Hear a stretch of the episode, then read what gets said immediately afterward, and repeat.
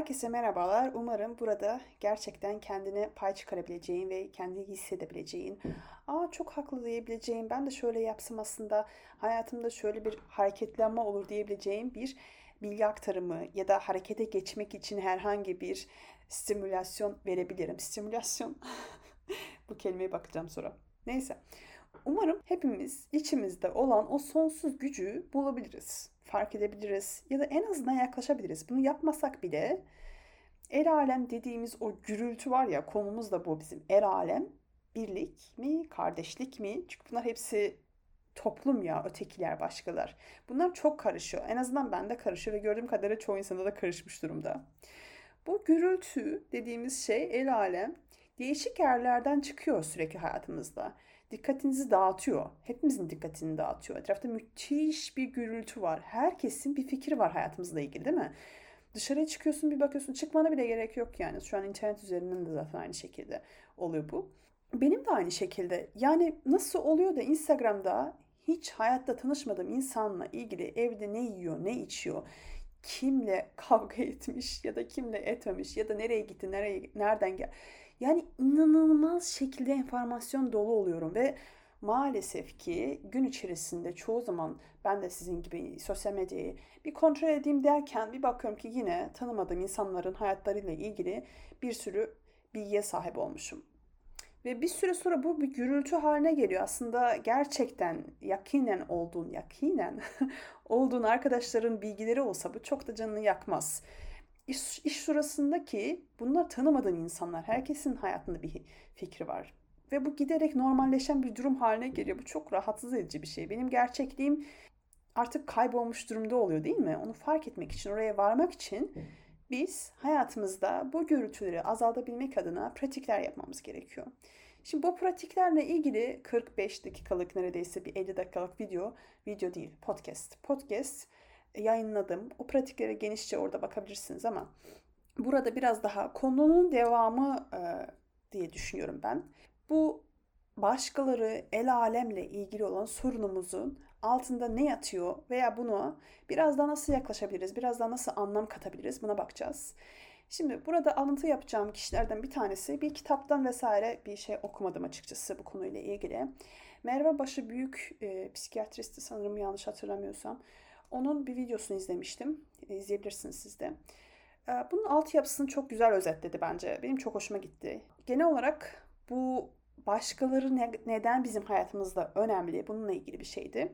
Ben şimdi örneğin bir şey yaptığımda bu eskiden çok vardı bende Yani bir şeye başladığımda başkalarının fikri o kadar çok önemliydi ki onaylanmak. Hatırlıyorum ilk kez video çekme dönemimdeydim işte 5-6 sene önce. Hayır 5 sene önce. Ve videomu en az 15 kişiye gönderim. Sence güzel mi diye sormuştum. 15 kişiden fikir alıyordum, onay alıyordum ve onların fikirlerine göre ve tabii ki de onlardan eleştiri istediğim için herkes genellikle iyi ama bir şekilde bir tane bile olsa eleştiri yaptıkları için ben o videoyu baştan baştan baştan baştan çekip kendimi çok zorladığım bir dönem olduğunu hatırlıyorum. Bu podcast'te başladığımda hiç kimsenin fikrini almadım. İnanın o kadar rahat oldu ki benim için. Yani tabii ki de eleştirilecek çok yanı olabilir. Siz eğer bir adım atmak istiyorsanız gerçekten başkalarının onayı, başkalarının fikri bunun altındaki şeye bakmanız gerekiyor. Şu an o kadar rahatım ki başkasının onayı olmadan bunu paylaşabildiğim için başkalarının ne der acaba demeden. Bazen oluyor tabii ki de bunu tamamı anlamıyla hayatımda çözmüş olduğumu söyleyemem. Bazen bazı konuları konuştuğumda acaba şu kişiler ne der diye düşünmüyor değilim. Ama bunun genel bir durum olduğunu da fark ediyordum. Aslında ben öyle istemiyorum. Hayır e, onu başkası öyle istiyor diye de yaptığım şeyler de oluyor. Neden başkası bizim hayatımızda böyle karar verecek kadar girmesine izin veriyoruz ki? Buraya bir bir sınır olması gerekmiyor muydu? Neden bizi şekillendirmesine izin veriyoruz? Başkalarının bizim hakkımızda iyi şeyler düşünmesini istediğimiz içindir bu. Ne kadar beni aydınlatmıştı bu. Yani başkası X kişi işte yine Ayşe, Mehmet, Ahmet diyorum ben bu kişilere hep. Ee, Ahmet benim hakkımda iyi düşünsün diye ben onun fikrini önemsiyorum benim gerçekten kafamı açmıştı bu e, yorum. Buna tamamen katılıyorum. Hepsinin altında altyapısında sevgiye ihtiyaç duymaktır. Ya bu konu ne kadar önemli. Bakın görüyor musunuz? Her şeyin altında yatıyor. Sonra birileri çıkıp da ya sevgin ne kadar önemli olabilir ki? Ben zaten seviyorum annem babam tarafına ya da osu busu tarafından. Ama bakıyorsun ki hayatında hiç de öyle bir şey yok yani. O kadar sorunlar yaşıyor ki ilişkisinde veya arkadaşlık e, arkadaşlıklarında, toplumda vesaire. Gerçek sevgim hiç sorgulamamış zamanda belki de. Ve bunun her şeyin altında bu el alemin, başkalarını bu kadar önemsememizin altında tamamen sevgisizlik yatıyor ya da sevgiye ihtiyaç duyma diyelim biz buna. Onlara bizim hakkımda iyi düşünsünler diye. Ee, ben de bunu çoğu zaman yaptığım zamanlar oluyor. Hala da yapıyorum bazen. X kişi hakkında iyi düşünsün diye şöyle yapayım. X kişi beni böyle görsün diye öyle yapayım. Sevilmek istiyorum belki de o kişi tarafından. Beni e, sevmesini istediğim için bunu yapıyorum olabilir mi? Aynı zamanda en çok el alem konusunda sorun yaşayacağımız şey işte bu değersizlik de bir konuyu e, gidiyor aslında aynı zamanda değersizlik. Ya bu değersizlik konusu çok çok çok çok çok derin bir konu. Bir nebze biz toplum bu toplumda yaşadığımız için Türkiye'de yaşadığımız için zaten bir puan oradan kaybediyoruz. İkinci puanı devlette yine olduğumuz için ikinci puanı buradan kaybediyoruz. Kendi kendiliğinden kaybedilen puan toplum tarafından oluyor zaten. Ve böyle giderek artıyor işte. Eğitim tarafından, müfredat tarafından buralardan çokça değersizlik hissini görüyoruz. Bize gidip de sorgulamıyoruz yani hani sen bana neden bunu yaşattın diye. Ve çoğu zaman bunu sorgulamadığımız için mış gibi yaşıyoruz işte. Gerçekten değerliymişiz gibi, gerçekten seviyormuşuz gibi bir şey oluyor. Ama bu saydığım şeyler içerisinde toplum, devlet, okul vesaire, arkadaşlıklar, ilişki, eşin seni değersiz hissettirebilir veya kendini değersiz görebilirsin. Ancak değer gerçekten bu mu? Senin için değer gerçekten bu mu? Sevgi gerçekten bu mu? Şimdi bunların hepsinin dışında bir de kendini biricik olarak düşünebilirsin. Küçük halini belki değil mi? Yani pod, geçen podcast'te de bunu konuşmuştuk. Küçüklük halimizde hepimiz kendimiz biricik özel zannederiz. Ki öyle bir şey gerçekten. Büyüyerek, büyüyünce bu kayboluyor artık giderekten küçücük halin işte 5 yaşındaki bir halin kendini çok değersiz ve sevgisiz hissetme gibi şeyin olmuyor.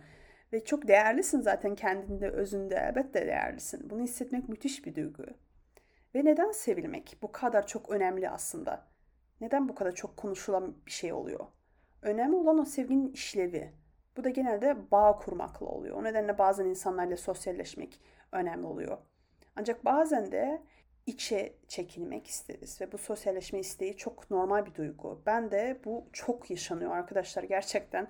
Yani yıl içerisinde çok da demeyeyim de 2-3 kez bir içe çekilme bir sosyalleşme isteği, bir içe çekilme bir sosyalleşme isteği ve bende bu çok radikal şekilde oluyor. Sosyalleşme değil de içe çekilme çok radikal oluyor.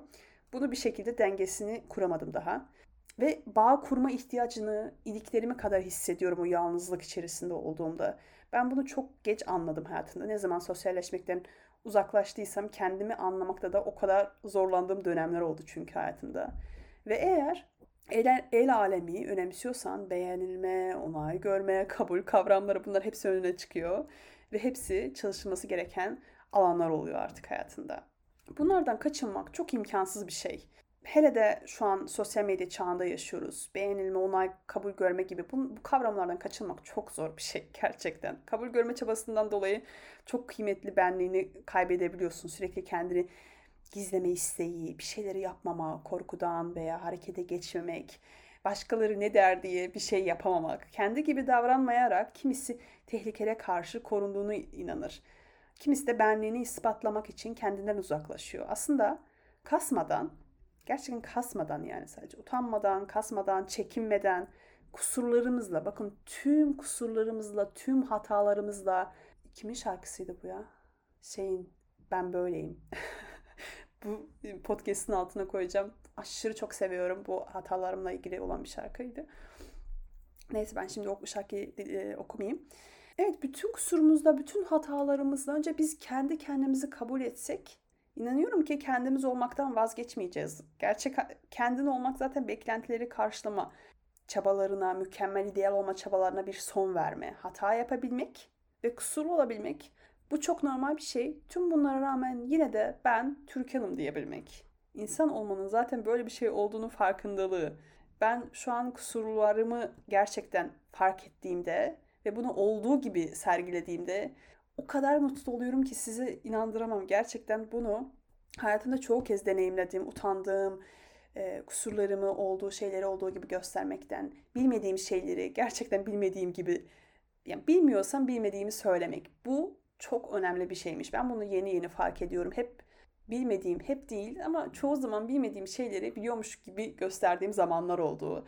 Ve bu beni çok yaralayan bir şey, kendimden çok uzaklaştıran bir şey oldu. Kimseyi ama kimseyi hayatının onay merci olarak konumlandırmak çok çok yanlış bir şey. Peki burada neden kendim olamıyorum? Başkalarının hayatını yaşamak çok kolay bir şey. Konfor zon değil mi? Yani bunu yaşamayı e, seçiyorum ben diyebilirsin. Yani ben böyle yüzleşmek işte bunların üzerine gitmek vesaire istemiyorum. Ben böyle gayet iyiyim. Onayda görmek istiyorum, beğenilmek de istiyorum, kabul görmek de istiyorum. Ee, ve başkalarının hayatı, el alemi düşünceleri benim için çok normal. Bunu diyebilirsin bu arada. Bu bir seçim. Gayet de normal bir şey. Ama bir ortama girdiğinde yine e, videoda da bu söyleniyordu. Bir ortama girdiğinde entelektüel insanlar konuşurken hemen kendini dönüştürüp ben de böyleymişim gibi davranmak. Ya da başka bir ortama girdiğinde mesela ben de bu yok. Siyasi bilgiler konusunda çok bilgili değilim. Hiçbir zamanda e, ilgim bilgim olmadı açıkçası. Ve o öyle bu ortamlarda olduğumda hep kendimi sıkılıyorum yani. Hani dinlemekten de sıkılıyorum, konuşmak zaten istemiyorum e, ve sessiz kalıyorum genelde. Ve dolayısıyla eskiden ama öyle bir şey yoktu mesela. Eskiden dediğim bu da muhtemelen bir 20 yaşımda, 21 yaşımda vesaire. Siyasi bir konu mu oldu geçti yani ya da işte ek sözlükte olsun. Ben ek sözlük yazarıyım bu arada. Deli gibi ek sözlükte entry girdiğim zamanları hatırlıyorum o zamanlar. Allah'ım gerçekten çok çok e, kötü zamanlardı. Yani ek sözlükteki dönemlerimi hatırlıyorum şu an. E, bir o gündeme göre nasıl şekillendiğimi hatırlıyorum ya. İnanılmaz bir şeydi. Şu an çok şükür ki yani sadece ihtiyacım olduğu kadarıyla kullanıyorum. Asla her gün enter'e gireyim, bunlarla ilgileneyim vesaire. Yani gündemde X siyasi bilmem kişi bilmem ne yaptı gibi bir şey mi oldu? Hemen ilgilenirdim. Hemen onunla ilgili bir bakardım. Ne oldu, ne olmamış vesaire yorum yapmaya çalışırdım. Neden? Böyle bir şey neden savruluyorum? Benim hiç siyasete ilgim yokken gibi örnekler. Sizin de hayatınızda benzer örnekler vardır illaki. Bu çok oluyor böyle ortamlara girdiğinde kendini böyle gösteriyorsun eğer ki. Gerçek halimi yansıtmaktan korkuyormuşum meğerse utanıyormuşum ya da hani. Gerçi zaten ekşi sözlükte benim orada olduğumu, benim kim olduğumu kimse bilmiyordu. Muhtemelen orada biraz da deneyim edip dışarıda e, entelektüelmiş gibi işte siyasi siyasi bilgiler konusunda siyasetle ilgili bilgim varmış gibi gözükmek için yapıyormuşum. Olabilir bilmiyorum ama gerçekten hiç ilgim yokken bunu yaptığım, kendimi işkence ettiğim dönemler olduğunu hatırlıyorum şu an. Şu an öyle bir şey yok. Varsa da gözlemlediğim bir şey yok henüz. Kendimi hiç kabul etmemek bu çok zor bir şey bu arada. Bende böyle bir şey çok olmadı yani. Hiç kabul etmemek gibi bir şey olmadı. Bazı konularda evet zorlandığım şeyler oldu. Benim içimi sızlatan bir konuda dış görünüşle ilgili oluyor. Kilomu kabul etmeyen diyen insan mesela. Dış fiziksel görün herhangi bir görünüşünle ilgili bunu kabul etmek istemeyen, bu bu konuda utanan insan var ya o kadar çok üzülüyorum ki böyle insanlar olunca. Yani konuşmak ve destek olmak ya da bilmiyorum hani böyle bir şekilde iyi gelmek istiyorum. Hani böyle bir etrafımda böyle bir insan olursa çok üzücü bir şey arkadaşlar. Bunu lütfen kendinize yapmayın. Yani fiziksel özellikleriniz bunu bu sizsiniz. Bu beden ruhunuzun bir yeri yani. Bununla barışık olmak tabii ki de dışarıdan bunu söylemek ya ne kadar da kolay diyebilirsiniz. Belki de çok büyük bir sorun yaşamış olabilirsiniz bedeniniz. Herhangi yara, iz, bir travma yaratmış olabilir size. Geçmişinizle ilgili bir şey hatırlatmış olabilir. Olabilir. Bak bunların hepsine okeyim. Ama yine de bunu yapmayın kendinize. Yani dış görünüş çünkü öyle bir şey ki bakın sürekli bu burada yaşıyorsunuz siz bedeninizde yaşıyorsunuz ve sürekli sizinle beraber vücudunuzu gözlemlemek, vücudunuza iyi gelmek, vücudunuzu sağlıklı görmeniz gerekiyor. Ya da o yönde pratikler yapmanız gerekiyor. Ve bu kusur, bunu kusur gibi görmek kendinizi çok çok çok inciteceğiniz bir konu olur. Gerçekten.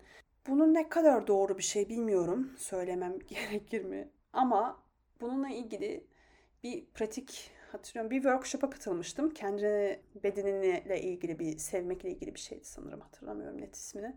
Ve orada şöyle bir pratik verilmişti. 21 gün ayna karşısında çıplak şekilde kendini gözlemlemek 20 dakika. Ve o sırada bu çok zor bir şey bu arada ama çok müthiş etkili bir şey. O sırada aklından geçenleri, bedenini izlerken utandığın şeyler, aklından neler geçiyor? Gerçekten vücudundan utanıyor musun? Ve eğer, eğer utanıyorsan vücudun hangi kısmından utanıyorsun ve neden utanıyorsun? Kendini nasıl görüyorsun? Kendini aynada izlerken, detaylı bir şekilde izlerken, eğer iyi görmesen gözlüğünü mutlaka, mutlaka tak. Detaylı bir şekilde izlerken bu izler, bu sivilceler, bu çatlaklar, yara izleri, belki ameliyat izi vesaire bunlar hepsi bunları saklamaktan, gizlemekten, bunlarla yüzleşmekten, kapatmaktan, bunlardan neden utanıyorsun? Herhangi altında bir şey var mı? Bunun bir ya bunları neden sevmiyorsun ya da kendini neden sevmiyorsun? Bunlara baktıktan sonra sağlıklı bir karar vermek bu arada bence okey bir şey. Örneğin şöyle bir şey olabilir. Kendini izliyorsun aynada ve böyle yağlar fışkırıyor her yerden. böyle bir şey görebilirsin. Ee, gülüyorum kusura bakmayın ama yani hani izler ben bunu yaptım bu arada bu pratiği. Ee, bende de çok farkındalıklı bir şey olmuştu hayatımda. Ve izlerken o yağları görmek kusur mu? Yani şöyle bir kusur. Kusur değil aslında. Sadece şu olabilir. Ben izliyorum ve karnım çok yağlı. Beni rahatsız eden bir hayatımda normal fiziksel aktivitelerimde vesaire benim e, hayat kalitemi düşüren bir şey. Dolayısıyla bana göre sağlıklı bir görüntü değil deyip bunun için e, bir harekete geçmek değil mi? Belki spor, belki bir şeyler, belki beslenme düzenine ilgili bir şey. Böyle bir şey olabilir. Oysa bir kusur gibi görmek ve bundan utanmak ve sürekli bunu gizlemeye çalışmak. İşte burası çok tehlikeli bir şey arkadaşlar. Yani ya da yüzümüz de aynı. Bak e, ben bir kadın olduğum için bunu daha çok fark ediyorum etrafımdaki kadın arkadaşlarımdan vesaire. Herkes de değil ama bazen görüyorum bunu. Gerçekten yüzünden utanan şu an toplumda çok kadın var. Yani yüzündeki görüntülerden utanan vesaire. Neyse farklı bir konular bunlar. Ama fiziksel görünümümüz hiçbir zaman bir eksiklik olamaz. Sadece onu demeye çalışıyorum ve e, bunlara takarsak eğer gerçekten tükenmeye başlarız böyle böyle. Asla başkalarını suçlamama gerekiyor. Onu bir oturtalım. Ötekilerini suçlamamak. Hepimizin dışarıya yansıttığımız bir yönümüz var değil mi? Yüzümüz var ya da hani maskeler takıyoruz sonuçta hepimiz olduğumuz gibi. Mesela ben olduğum gibi öğrencilerim de olduğum gibi arkadaşlarım da olamıyorum. Öğrencilerimle biraz daha böyle disiplinli bir e, maske tak. Maske de demeyelim ya. Maske değil aslında o. Öyle bir ne diyelim buna enerjiye giriyorum evet. Arkadaşlarımla eğlenebileceğim, kafa dağıtabileceğim bir e, havaya giriyorum. Dolayısıyla bu kimlikler normal şeyler aslında. Kimliklerimiz olabilir ve bu e, herhangi bir şekilde bunu cilalamamız ve aynı ben öğrenci mesela ben kendimi hiç öyle düşünmedim. Ben öğrenciler de bu şekilde olma. Hayır çünkü ben öğrencilerim öyle şekilde olsam öğrencilerim biliyorum ki bunu o disipline edemeyebilirim yani o konuda onları. Dolayısıyla insanlar bizi sevsinler, sevmesinler bu yönlerimiz olacak. Bunu övsünler, yüceltsinler diye yapmıyoruz. Kimsenin kendisiyle ilgili kötü bir şey söylediğini zaten duymazsınız. Herkes her zaman mutludur. Kimse yaşadığı sıkıntıları ya da zayıflıkları anlatmaz ki. Buna karşı da değilim. Tabii ki de sosyal medyada olsun ya da böyle konuşurken olsun mutlu olduğumuzu söyleyelim ya da hani iyi yanlarımızı anlatalım vesaire. Ama bunları söylerken o kusurlar söylenince ya da hani gerçekten zorluk çektiğin şeyi konuşunca bunlar daha açığa çıkınca iyileşebilen şeyler oluyor. Yine ezan okunuyor. Her seferinde ezan okunuyor. Tamam ben e, ezan saatlerini çıktısını alıp masamın üzerine koymam gerekiyor. Evet. Neyse bunu en çok sosyal medyada görüyoruz değil mi? Yani olmamış gibi, kendisini olmadığı gibi gösteren insanlar. Örneğin kahveden çok anlamayan belki ama storiesinde kahve paylaşan. Kahvenin tadını bile sevmiyor bu kişi mesela ama kahve storiesi atıyor. Ya da hiç modun yokken kendini mutlu gibi gösteren insan. Herkesin gittiği yerlerde gitmek belki de hiç sevmiyorsun orayı, hiç zevk bile almayacaksın ama herkes gittiği için gidiyorsun. Bu el alem işte buralarda mesela çok önemli oluyor. Bizim bak baksana hayatımızı nasıl değiştiriyor yani Mü- mükemmel bir şekilde farklı bir kişiye dönüşüyoruz yani o sırada biz. Bunun en komik kısmı da şey oluyordu.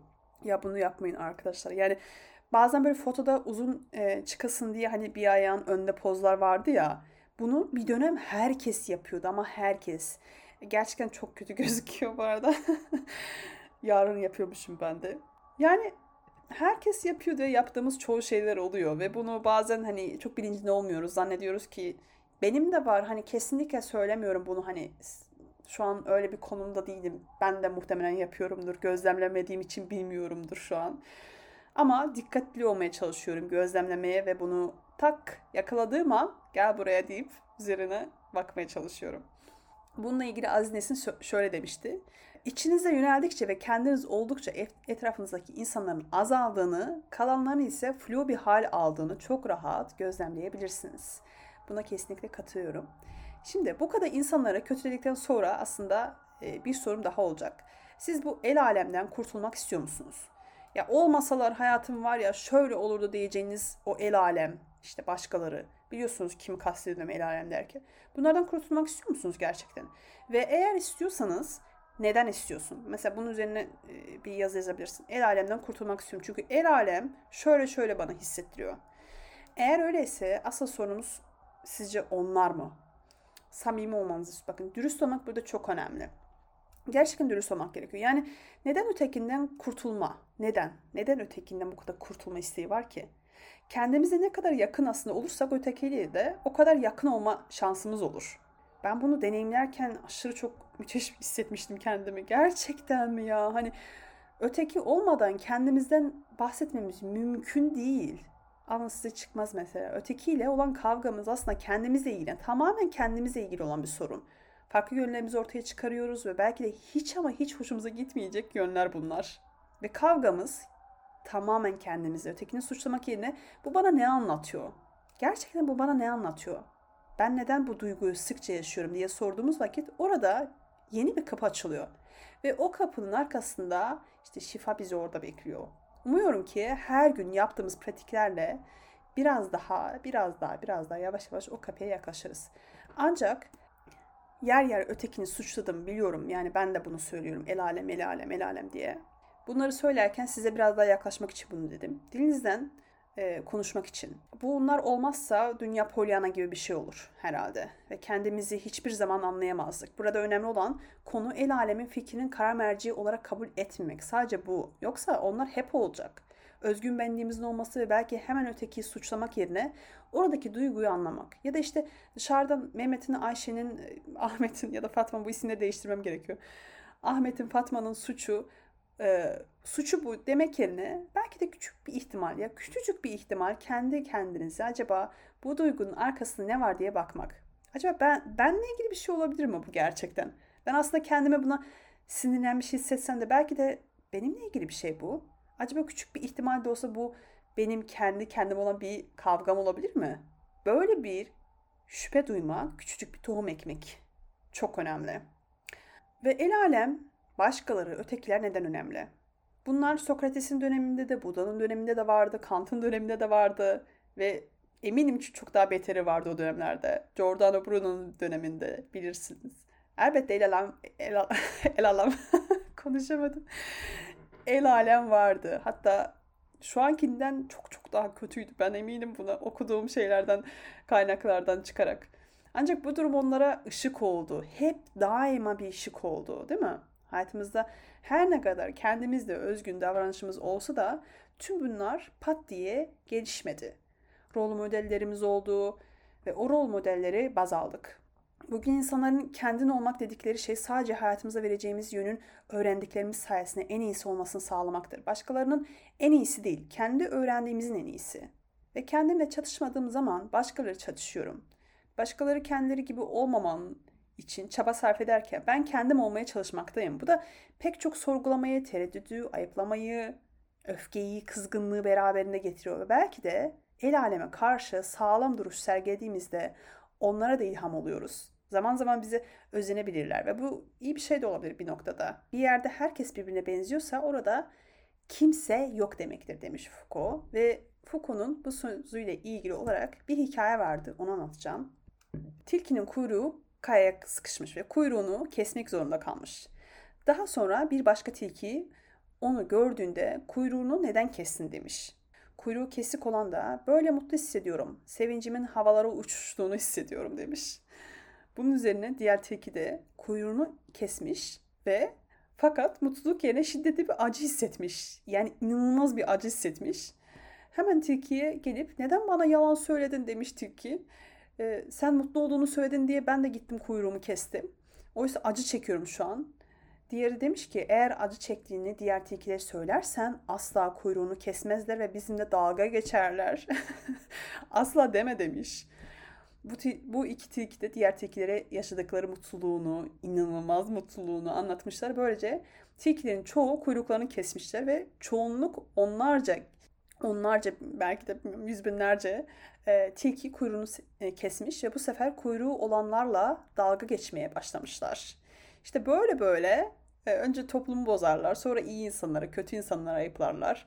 E, ve o nedenle de bu tilkiler gibi olmayalım. Kuyruğumuzu kestiysek o kusurlarımızı, o acılarımızı söyleyelim. Gerçek olalım, gerçekçi olalım, dürüst olalım arkadaşlar. Sadece önemli olan bu. Yani umurumda değil diyen insana ben gerçekten katılamıyorum. Ya benim umurumda değil ya ben zaten böyleyim diyen insan. Oysa mesela yere düştüğünde o kişi bakıyorsun ki yere düştüğünde hiç canı acıdı mı acımadı mı buna bakmak yerine hemen kalkıp etrafındaki insanlara bakıyor. Hani senin umurunda değildin? Neden o zaman insanlara bakıyorsun seni izliyorlar mı? Ayıp oldu mu? Bir yerim açıkta kaldı mı diye. Bu arada bu bir araştırmaydı sanırım. Ee, nasıl bu araştırma? Bir dakika onu ben yazmıştım bir yere. Evet 10 kişiyle olmuş bu araştırma. Ve bunlar işte ayağa takılıp yere düşen insanlar. Böyle bir araştırma olmuş. Çok komik. Önce etrafındaki insanlara bakıyorlarmış. Sebebi de acaba ne kadar rezil olduğum güdüsüymüş. Halbuki millet işte gücüne gidiyor ya da seninle alakaları bir şey yokmuş. Böyle bir araştırma yapılmış ve hepsi ama hepsi hiçbirisi kalkıp da ay- ay- ayağıma bir şey oldu mu diye bakmamış. Bunlar çok oluyor bu arada. Sadece orada değil de mesela bir yeni bir işe gidiyorsun, yeni bir bir şeye katılıyorsun, okula gittiğin ilk gün. Hep böyle sana bakıldığını, sen izlenildi, gözlemlerin senin üzerinde olduğunu falan düşünürsün. Mesela herkes işinde gücünde, hiç kimsenin umurunda değilsin o sırada. Ve o nedenle bunlar hepsi tabii ki de beğenilme kaygısı, sevilme kaygısı vesaire gibi konulardan kaynaklanıyor. Burada Berkman'ın bir biliyorsunuz Berkman'la ilgili ben video çekmiştim. Kendimi övmek gibi olmasa ama çok güzel bir video. İzleyin eğer ilginiz varsa. Onun bir sözü vardı. Kendin ol, dünya özgün olana tapar diye. Ben buna, bu bana çok ilham olmuştu uzunca bir süre. Ve buradan yola çıkarak aslında bunun sadece kendine bir şey olmadığını da söylemek isterim. Kendi kendimize yaklaşırsak etrafımızdaki insanlara da o kadar büyük bir hediye olur bu. Çünkü ben bunu çok hissediyorum. O kadar büyük bir güç ki frekansın değişiyor. Eğer siz kendi kendinize barışık olursanız ve kendinizi değiştirme yolundaysanız etrafınızdaki herkes yavaş yavaş değişmeye ve bu yayılacak bir şey oluyor. O zaman fark edeceksiniz ki sadece kendiniz için yapmıyorsunuz aslında bunu. Etrafımızdakiler de değişiyor. Ben bunu çünkü bazen böyle bir şey oluyor. Yani diyorum ki günümün neredeyse 3 saatini kendimle ilgili kendime ayırıyorum. İşte bu kitap okumak, 3-4 saat e, ya yani 3-4 saat değil de totalde 3-4 saat hepsini yapıyorum. Kitap okumak, yürüyüş yapmak, meditasyon yapmak, yazı yazmak, o su bu su derken 3-4 saatim gidiyor. Bazen böyle şey oluyorum diyorum ki ya topluma hiçbir faydam yok sanki falan gibisinden ama öyle bir şey değil. Yani bunları yaparken şunu fark ediyorum. Benim etrafımdaki insanlar da değişiyor. İnanılmaz bir şey bu. Nasıl oluyor bilmiyorum ama herkes etki, etkisi oluyor bir şekilde arkadaşlar. Yani hani bunu yapmaya çalışınca, kendinizi değiştirmeye çalışınca bu gerçekten çok büyük bir enerji. Bunu büyük bir farkındalık. Bunu yapmaya cesaret göstermek. Sevgiler ve umarım içindeki o gücü bulursun. Hayat bu kadar mı? Bence değil. Birkaç sözüm var Biraz senin gibi yıkıldım ayağım. Duvarları var. Bazen esintili Bazen uzak Yakınlarım var. Ben, ben böyleyim. Kendi yolum